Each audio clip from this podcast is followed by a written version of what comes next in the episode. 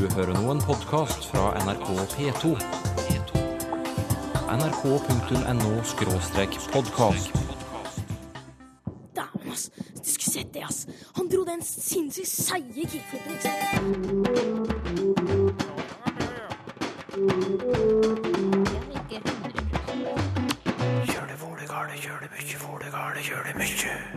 Den som skriver om aksjer og børs, har god nytte av bevegelsesmetaforer. Da kan aksjekursen fyke i været, noe kan sende kursen til himmels, kan skyte opp osv. En gang mente man at døve i Norden skulle ha et felles tegnspråk. Det vakte stor ballade blant døve, og det viste seg jo at det var veldig vanskelig. Og skal det være en kollekvint, kanskje? Mageregulerende middel, rett og slett. Jeg sitter her med en utgave av Dagens Næringsliv fra, fra denne uken. En dobbeltside som bl.a. handler om kinesisk økonomi. Her kommer en setning fra oppslaget, og spørsmålet er hvilke metaforer eller språklige bilder hører du? Kinesiske myndigheter har ammunisjon og handlingsrom til å motvirke at økonomien skal falle ytterligere. Ja, Christian Langerfelt, hvilke metaforer hørte du? Eh, har hørt to, i hvert fall to metaforer. Det var ammunisjon og at noe faller. Ja. Eh, metaforer finner vi jo overalt, også i tekster om næringsliv og økonomi. Og dette har du skrevet om i en doktoravhandling eh, ved Universitetet i Bergen. Og hvis vi tar ene, det ene språklige bildet her, da, som du nevnte, ammunisjon. Altså kinesiske myndigheter har ammunisjon til å motvirke at økonomien skal falle ytterligere. Hva slags metafor er ammunisjon? Ja, Ammunisjon er jo hentet fra et uh, krigsscenario. Um, altså, uh, denne, denne, økonomiske situasjonen her ble beskrevet ved hjelp av et krigsscenario. Og uh, ammunisjon er jo da våpenet som den kinesiske regjeringen skal bekjempe denne fienden med. Hvem er fienden? Ja, Fienden er jo den truende økonomien eller krisen som er under oppseiling. Du sorterer metaforer i noe du kaller erfaringsområder. Og ammunisjon, som du sa da, tilhører erfaringsområdet krig. Har du eksempler på andre metaforer fra dette krigsområdet? Ja, økonomien er jo full av krigsmetaforer. Um, så man kan uh, angripe noen. Uh, det fins fiendtlige overtagelser. Um, Eh, to eh, bedrifter kan knive om markedet. Man kan begi seg ut på en krigssti. Eh, alt dette er eksempler som jeg, som jeg fant i det materialet som jeg jobbet med. Men så kommer vi jo til et hovedpoeng i arbeidet ditt. For du har, du har sammenlignet metaforbruk i vitenskapelige tekster om økonomi på den ene siden med metaforbruk i avisartikler, altså sånn lettere tekster da, om, om økonomi. Og på hvilken måte er metaforbruken forskjellig i disse to sjangrene? Ja, altså det som jeg, da må jeg bare presisere, det som jeg analyserte av avisartikler, det er jo hentet fra eh, f.eks. Dagens Næringsliv, som er en eh, næringslivsavis. Og leseren Eh, har vanligvis en viss økonomisk bakgrunn eller grunndannelse eh, mm. om økonomiske begrep. Men denne kommunikasjonen er jo grunnleggende forskjellig fra en kommunikasjonssituasjon hvor en fagmann skriver for en annen fagmann. Ja, Vitenskapelig materiale som publiseres helt andre steder enn i aviser. Nemlig. Ja, men på Og, hvilken måte da er metaforbruken forskjellig i disse to sjangrene? Ja, så de, de store erfaringsområdene som metaforene er hentet fra, er stort sett like. Eh, er stort sett like i, i begge tekstsjangrene. Men det fins eh, noen erfaringsområder som har eh, et større metaforisk eh, skal jeg si inventar enn andre når det gjelder disse avistekstene. Hva, hva betyr det du sier nå? At uh, altså det fins litt, litt flere og litt mer blomstrende språklige uttrykk i uh, avistekstene Ja. enn det fins i uh, de vitenskapelige tekstene. F.eks. å, å begi seg på krigssti eller å knive om et marked og slike metaforer vil man ikke finne, eller sannsynligvis ikke finne i uh, vitenskapelige artikler. Selv, Ja. selv om i vitenskapelige artikler vil man selvfølgelig finne at eh, noen går i forsvar eller forsvarer en bedrift, forsvarer markedet. Eh, man kan påføre noen en skade osv. Det vil man også finne i vitenskapelige artikler, men det er et mer nøkternt språk, kan man kanskje si, i forhold til et litt mer blomstrende metaforisk språk i disse avisartiklene som jeg har eh, analysert. Hvorfor denne forskjell? Ja, eh, avisspråk eh, lever jo av eh, Eller forfatteren av eh, avisartikler lever jo av at folk leser disse artiklene. Og et litt mer blomstrende språk gjør jo at leseren blir interessert i å først ja, begynne å lese artikkelen, og så fortsette å lese artikkelen. Så det, det kan kanskje en dramatisering av eh, økonomiske hendelser som det snakkes om, skrives om i avisartikler, kan ses som strategi for å, ja, for å beholde leseren. Mm. At den ikke blar videre til kryssordet. Men hvorfor ikke bruke de mer blomstrende metaforene i en vitenskapelig tekst? Ja, altså eh, Publikummet for vitenskapelige tekster er jo i utgangspunktet interessert i å oppdatere seg på forskningsfronten. Så man behøver vel ikke å gjøre det publikum er interessert i forskningsresultater som publiseres. Som nevnt så har du altså undersøkt metaforbruk i tekster om økonomi. Og metaforene hører hjemme, som du sa, i ulike erfaringsområder. Krig var et slikt område. Men du, nå tar jeg fram Dagens Næringsliv igjen jeg, fra denne uken.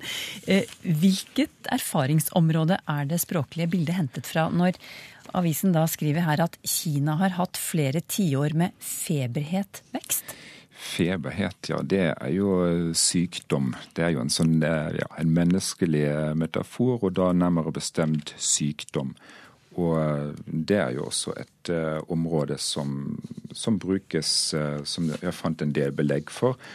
Spesielt i, i avisartiklene fant jeg belegg for det. Så da er det snakk om uh, bivirkninger, om uh, brukket rygg, om ryggmagsrefleks osv. Som er veldig blomstrende beskrivelser for um, hendelser, som også beskrives uh, i vitenskapelige artikler. Kanskje også med, ved hjelp av denne, dette erfaringsområdet, nemlig sykdom. Men uh, gjerne ikke så, så blomstrende, da. Men hvilket område er de fleste metaforene hentet fra da i tekster om økonomi? Et område som virkelig egner seg? Ja, altså det er jo eksempel eh, rom, alt som har med rom å gjøre. Avgrensede områder i rommet. Altså man beveger seg inn i et marked, ut av et marked. Og selvfølgelig eh, vertikalbevegelser spesielt. Altså alt som går opp og ned.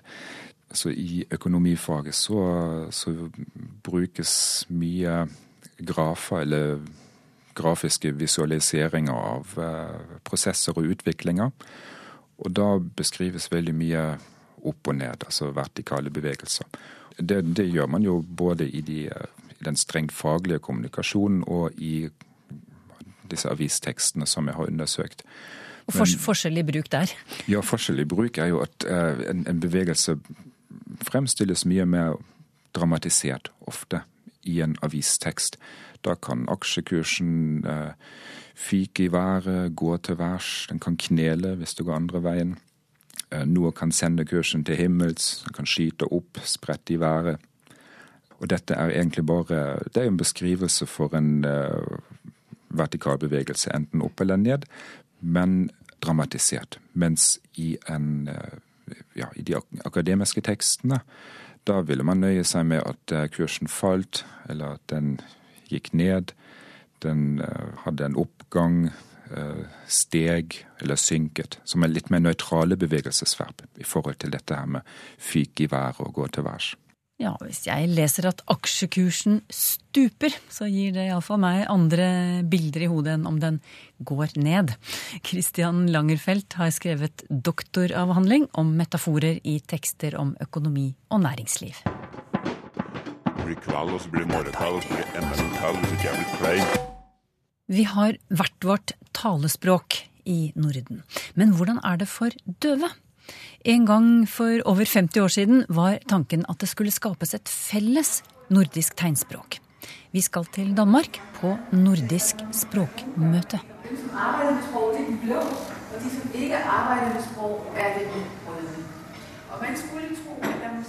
I konferansesalen sitter deltakere fra de ulike nordiske landene. Temaet i år er bl.a. språkforståelse i Norden. Og for at nettopp alle tilhørerne skal forstå, står tre tegnspråktolker sammen med foredragsholderen og formidler det som blir sagt. En norsk tolk, en svensk og en dansk. Men for noen tiår siden var dette en helt utenkelig løsning. Den gang øh, opfattede man mer tegnspråk som øh, noe konstruert, et hjelpemiddel. Så derfor tenkte man jo, men det burde det være meget naturlig så å lage et felles tegnspråk for hele Norden. Det er tolk Jane Søvsøs stemme du hører, men det er døve Asker Bergman som forteller. Han har bl.a. bakgrunn som tegnspråklærer og har vært formann i det danske døveforbundet. Asker og jeg står vendt mot hverandre under samtalen. Tolken står ved siden av meg, godt synlig for Asker, og oversetter for oss begge. Tegnspråkene er forskjellige fra land til land, liksom talespråkene. Men den gang syntes man det var upraktisk og besværlig. Og den gang, det er altså årene etter andre verdenskrig. De nordiske døveforbundene satte ned et utvalg som skulle arbeide fram et felles tegnspråk. De arbeidet faktisk med det i 20 år. Og øhm, det viste seg jo at det var meget vanskelig. Fordi tegnspråk er språk og det inneholder mange følelser, identitet osv., som vi vet. Ja, det var en vanskelig oppgave, for alle ville holde på sine egne nasjonale tegn. F.eks. prøvde man å bli enige om uh, det samme tegn for mor og far uh, i Norden. Et fellestegn. Det vil si at man skulle velge det tegn som var det peneste, uh, som man syntes godt om. Men øh, det kunne man ikke bli enige om. Og som jeg sa før, det er jo mange følelser i sånne nogle diskusjoner. Så øh, det kunne de ikke finne ut av å, å lave, øh, finde, at beslutte seg for et tegn felles for mor og far. Så det måtte man droppe. Men noen tegn kunne alle bli enige om med en gang, som tegnet for ferie. Vi har et dansk tegn for ferie som man ikke kan forstå umiddelbart. Men hvis man så ser på det svenske og finske tegn for ferie, så kan man måske forstå, hva det betyder. Fordi det betyder, de viser at hendene ikke er på arbeide. De viser at hendene holder fri. Og det tegn syns man så var smart, og det tok man så som det felles tegn for ferie. To hvilende hender i kryss over hverandre ferie. På 60-tallet ble det utgitt ordbøker med alle de felles nordiske tegnene. Og protestene lot ikke vente på seg. I Danmark der var vi det første land i øh, øh, Norden til å udgive ordbogen, og det vakte stor ballade blant døve. Øh, der var jo mange døve der slet slett ikke kunne se hvorfor skulle man endre tegnene, og spurte hva er galt med våre danske tegn. Øh, og samme øh, reaksjon kunne man oppleve i Sverige, og senere også i Finland og Norge. Ordbøkene ble ingen suksess, med andre ord. Som Asker Bergman sa, språk er følelser. Det gjelder også tegnspråk. Men så kom tegnspråksforskningen, og den viste at språkene er språk, desideret språk, med egen grammatikk. Og derfor forstod man så at det gikk jo ikke den drøm om et felles nordisk tegnspråk. Øh, det fikk sin naturlige død, og i stedet øh, fokuserede man seg på at hvert lands tegnspråk blir utgitt i ordbøker. De nordiske landene har altså hvert sitt tegnspråk. Og da lurer jeg på, kan svenske, danske og norske døve forstå hverandres språk, slik hørende kan i disse tre landene? Det kan man si er på samme måte. Jeg kan ikke riktig se noen forskjell der mellom normalhørende og blant oss døve øh, i forbindelse med forståelsen av hinandens sprog. Det er som det samme. Men det øh, afhænger selvfølgelig også av hvor ofte man mødes, og hvor ofte man bruker det. Hvis det er første gang eller meget sjelden, kan det være svært å forstå de andre øh, tegnspråk. Men er man vant til det, så tror jeg øh, det varer ikke lenge før at man så kan oppnå en forståelse av hinanden. Så øh, se og oppleve det igjen og igjen, så går det. Men hva med det vi kaller falske venner i talespråket? Finnes de i tegnspråk også? Hvis jeg f.eks. sier rolig på norsk, så betyr jo det morsom på svensk. Eller grine, som betyr le på dansk. Kan det samme tegnet f.eks. ha én betydning på svensk og en annen på dansk? Jo, det skjer øh, noen ganger at det oppstår sjove misforståelser.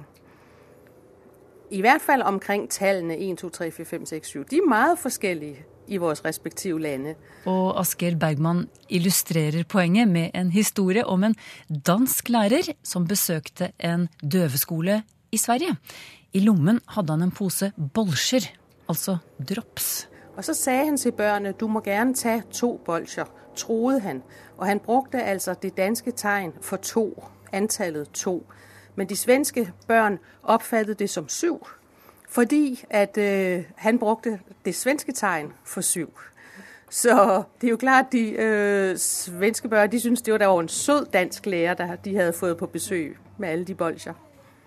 Og har du lyst til å se det danske tegnet for tallet to og det svenske tegnet for tallet sju, så finner du veldig fine tegnspråkordbøker på nettet, der alle tegnene er illustrert med små filmklipp. På nordisk språkmøte var det Asgeir Bergman som fortalte om forsøket på å lage et felles nordisk tegnspråk. og Han ble tolket av Jane Søvsø. Og det blir mer om tegnspråk i Norden neste gang.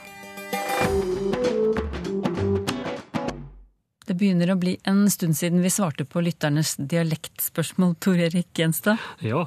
Ja, men bra du stakk innom. På Facebook spør Jonny Reigstad om uttrykket å kaste inn årene.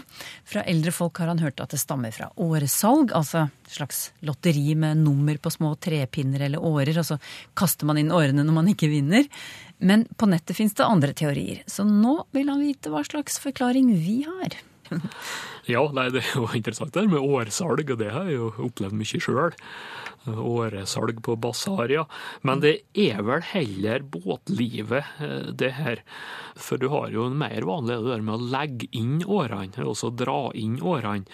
Det er jo konkret da, å slutte å ro, og, og altså legge årene inn i båten. Men eh, så er det jo da overført til å, å slutte med et arbeid, slutte med noe, altså legge opp eller til og med å gi opp og, og gi tapt, og også som et såkalt eufemistisk uttrykk for å dø. Han har lagt inn årene. I Trøndelag eh, har Erling Andersen hørt uttrykket 'ta seg en kollekvint'. Det blir brukt når man skal ta seg en dram. Eh, Hva er bakgrunnen for ordet kollekvint? Kollekvint eller kollekvinter, ja. Hvis en slår det opp i leksika eller et store referanseverk, så vil en finne det som kolokvint. Og det er da frukt av ei plante i graskarfamilien som brukes som mageregulerende middel, eller som avføringsmiddel, rett og slett. Og så er det overført til spøk om å ta seg en eh, dram eller en knert. Når må du blir til morru, skal du blir skarru, og vil du blir virru. Hvor kommer r-en fra, spør Håvard Risvåg. Det er et godt spørsmål. Mm. Det der er vel i hovedsak et østlandsfenomen. At du har det der med fare for å bli beskyldt for snikreklame, så må du, så må du. Mm. Og, men det finnes da andre plasser. Det finnes i Indre Sogn. Og det skal finnes i Stockholm. Det er talemålet der. Eh, Ellers så er det lite av det, men jeg har ett eksempel fra Trondheimssleng, der er forbindelsen 'flytt deg' kan bli uttalt 'flørre'. Og nei, det er jo en overgang at det blir til R her, eh, i visse ord og i visse sammenhenger. En som har skrevet om det, det er jo Kjell Venås i bok om Hallingmålet. Og I Hallingdal så har du det der. Og det er jo regler for det. Altså det rammer jo Det er jo i pronomen som begynner med det, at du kan få den overgangen. Det er sånn som du og dem og deg og det. Og så kan du vel ha det òg i adverbet da eller da. Og så er det aldri først i en setning. Du kan aldri begynne en setning med ru i stedet for du. Så det må være inni setninga, og det må være i en, en ordsammenheng, slik at det blir trøklet. Altså Nå må du komme. Hvis du skal legge på trykk og understreke, så så nå må du komme. Da blir det aldri r. Så det tror jeg er nøkkelen her, da. Og det, det kan forklares forholdsvis enkelt med felles artikulasjon. Hvis vi nå har en D, som det har starta ut med det her, hvis en uttaler en D, iallfall slik jeg gjør det, så har jeg tungspissen ja, rett bak framtenn. Og så er det fullt stenge for luftstrømmen. Altså det blir en klusil, som man sier, eller en lukkelyd. Stenger helt for lufta, og så slipper du ut at nærmest som en eksplosjon. Og hvis en da slapper litt av der med tungspissen, så kan en fort begynne å vibrere. Og da har du straks en rulle-R. Så den overgangen den er for så vidt rimelig nok, den, når du er trøkklett og i rask tale. Så det som er verre å forklare, det er jo hvorfor du får det i bestemte områder og ikke i andre. Og Da er du på et helt annet forklaringsnivå. Og da må du dra inn sosiale faktorer, kulturelle faktorer, naboopposisjon osv. Så, videre. så det er et helt annet spørsmål. En lytter som ikke vil at vi nevner navnet, lurer på forskjellen mellom ei rikkalause og ei lealause tann. Og dette er stavangermål, skriver han. Ja, det spørs. Jeg tror nok de der går mye om hverandre. Altså Lealaus det er jo det som er suverent mest vanlig, og det betyr jo laus i, i feste eller i ledda eller i, i sammenføyingene. Det kan jo være snakk om en lealaus stol, for eksempel. Rikkalaus eller rikkelaus, det er jo da noe som en kan rikke, eller som kan rikkast. Og det finnes eksempel, ja, altså tanna er rikkelaus, men det finnes òg eksempel på en rikkelaus eller rikkalaus stol. Så jeg tror nok de to går om hverandre, men at uh, lealaus er mye mer allment. Mm. Selv tenker jo lytteren her at en tann er mer løs hvis man kan rikke på den, enn man bare kan le på den. ja, det, det, er mulig at det kan være slike nyanser somme plasser, men jeg tror nok det at de går mye om hverandre og er mer eller mindre synonym. For ikke altfor lenge siden snakket vi om ordet dugnad i, her i Språkteigen. Jane Kvebekk hørte den sendingen og kom på det at besteforeldrene hennes de brukte ikke ordet dugnad, de sa dønning. Og nå vil hun vite litt mer om dette ordet. Det er nok en variant på dugning. Og det betyr dugnad, og det er sannsynligvis omlaga av dugnad. Og her er det vel østlandsområdet der du finner mange forskjellige uttalevarianter på det. Du har døvning, dømning, dumning, dovning, og også her da dønning. Og alt det der er altså uttaleformer av et dugning, da. Gunvor Bolstad Rustad spør om vi har noen forklaring på ordet hiven. Dette var virkelig hiven, kan man si, og da er det noe veldig bra. Ja, det var hiven, ja. Det er jo typisk trøndersk, det. Du har òg en variant, må det være, som sier at det er hiva. At det er framifrå. Det her var hiva. Trøndelag og, og, og Nord-Norge. Og det må vel sannsynligvis henge sammen med verbet å hive, som betyr å kaste eller luft. og at du gjør det gjerne med litt fart og finne og klem, da. Og en hiver, det er jo en, en dyktig person. Men så finnes det òg noe former med y. Var hyven så sterk? Og at det går hyvens. Og du kan jo lure på om det er en viss innblanding av finsk her, med det der heiaropet eller tilropet 'hyve'. Men det er veldig usikkert, akkurat det. Men det er en litt artig tanke, syns jeg. Mathias Faltin Arntzen skriver til oss om et eh, uttrykk fra Rana. Hardest av ti. Eller hardest at ned. begge deler betyr tett inntil eller tett ved. Og han eh, sier at eh, de blir svært lite brukt i moderne ranværing, men de aller fleste, i hvert fall voksne, har hørt uttrykkene. Til og med skrevet en ordbok om ranværingsdialekten, og den heter Hardest av ti. Og så vil han vite hvor disse uttrykkene kommer fra. Ja, jeg har jo den samlinga fra Rana mm. som het For hardest av tida forklart som tett bakom, eh, blant annet. Eh, nei, det er litt rart det her. Eh, det er nok en forsterkende bruk av adjektivet hard. Som vi har å gjøre med, altså H-A-R-D. Og du kjenner jo det talemåta som 'på harde livet'. Og det skal holde hardt. Da er det jo sånn som er, er litt tett på, litt nære på, da hardt innpå finnes det jo, eh, altså bortimot, og hardt borti. Han er hardt borti 80-åra, han begynner å nærme seg. Så det er noen slike. Det er hardt om, det er altså bare så vidt. Og, og så har du det her med superlativen som vi har her, da, hardest, altså hardest. I Norsk ordbok så har de da de har samla opp flere slike talemåter. Det er hardest attmed. Og jeg regner med at attned fra Rana det kan være omforming av attmed. Attmed, altså. Men hardest attmed, framme, innåt og oppunder, som da betyr helt inntil eller så nære som mulig. Og Norsk ordbok heimfesta det til Østerdalen, til Folldalen og til Nord-Rana, som vi har her. Så det er to helt avgrensa plasser at du har de her talemåtene. Men forsterkende bruk av har, altså. Har du spørsmål til Språkteigen? Skriv til Teigen, krøllalfa nrk.no, eller til Språkteigen, NRK P2, 7005, Trondheim. Så finner du oss også på Twitter og på Facebook. På jobben kommuniserer jeg med kundene via e-post, skriver en lytter, som savner noen retningslinjer for slik formell digital brevskriving. Han får hjelp neste gang.